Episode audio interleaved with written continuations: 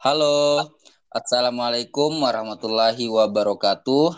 Kembali lagi bersama kami di podcast Anestartik. Sebelumnya, perkenalkan saya Muhammad Haikal Napis, bisa dipanggil Napis, sebagai host yang akan memandu podcast kita kali ini. Sekarang saya tidak sendirian nih kawan-kawan. Di sini juga ada kakak-kakak anestesi yang akan menemani saya. Kakak-kakak anestesi, saya hai dulu dong uh, sama teman-teman online kita. Hai. Hai. Uh, silakan bisa dimulai dengan perkenalkan diri dulu. Hai, perkenalkan saya Dea Fitriana. Hai, perkenalkan nama saya Muhammad Arya Wiguna. Perkenalkan nama saya Arsa. Ya, terima kasih untuk kakak-kakak penata anestesi yang sudah menyempatkan waktunya untuk uh, berkenan hadir pada podcast kali ini. Santai aja, santai. Ngomong-ngomong, bahasa apa ini yang sudah kakak-kakak persiapkan untuk podcast kali ini? Oke, topik bahas kali ini kita agak berbeda dari podcast-podcast Anestartik sebelumnya. Di mana kali ini kita akan membahas kasus yang berkaitan dengan manajemen bencana, yaitu bencana tanah longsor. Wow, cukup berbeda ya. Tetapi tetap menarik dan juga plus menegangkan ya. Sebelumnya kita masuk ke kasus, bisa dijelasin terlebih dahulu sedikit tentang apa itu manajemen bencana.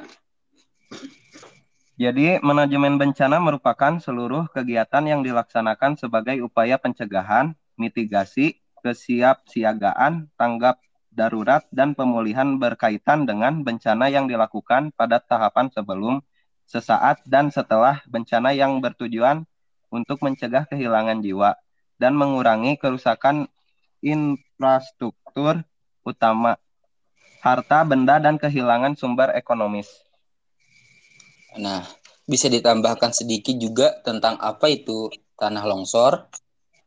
Jadi, tanah longsor adalah suatu peristiwa geologi yang terjadi karena pergerakan massa batuan atau tanah yang terjadi karena ada gangguan kestabilan pada tanah atau bantuan penyusun lereng.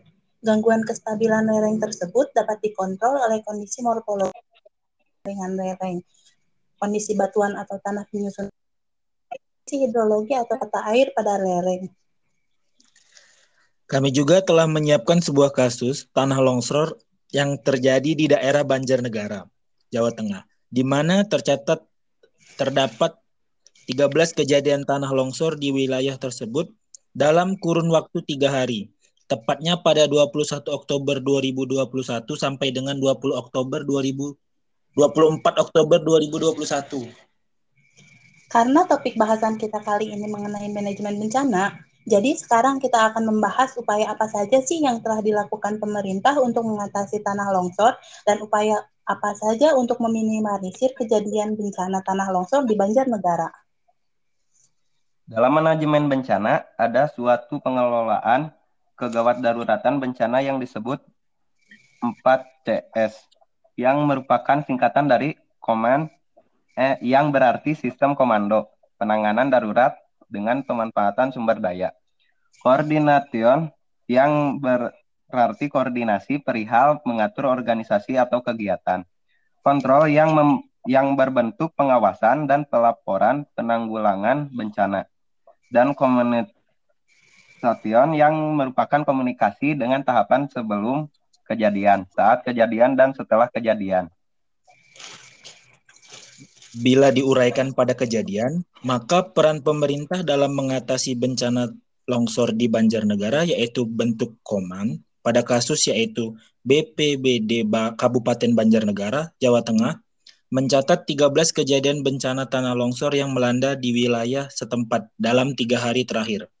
Bentuk koordinasinya yaitu BPBD Banjarnegara, kata dia, menghimbau kepada warga untuk tidak mendekati longsor guna mengantisipasi hal yang tidak diinginkan. Bentuk kontrolnya yaitu dengan BMKG untuk memantau sejumlah wilayah di Banjarnegara yang mengalami hujan dengan intensitas sedang hingga tinggi dengan durasi yang cukup lama.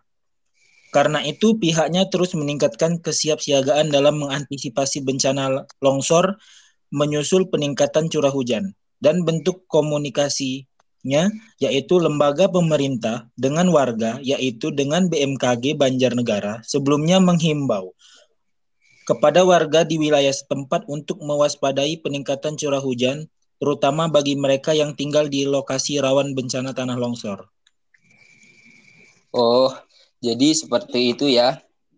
Dari penjelasan kakak-kakak, saya dapat menyimpulkan bahwa banyak sekali upaya yang telah dilakukan oleh pemerintah untuk mencegah terjadinya bencana tanah longsor di Banjarnegara, seperti pemantauan oleh BMKG dan BP, BPBD juga bersama masyarakat selalu siap siaga dalam melakukan hal dan upaya untuk minimalisir terjadinya tanah longsor di daerah Banjarnegara.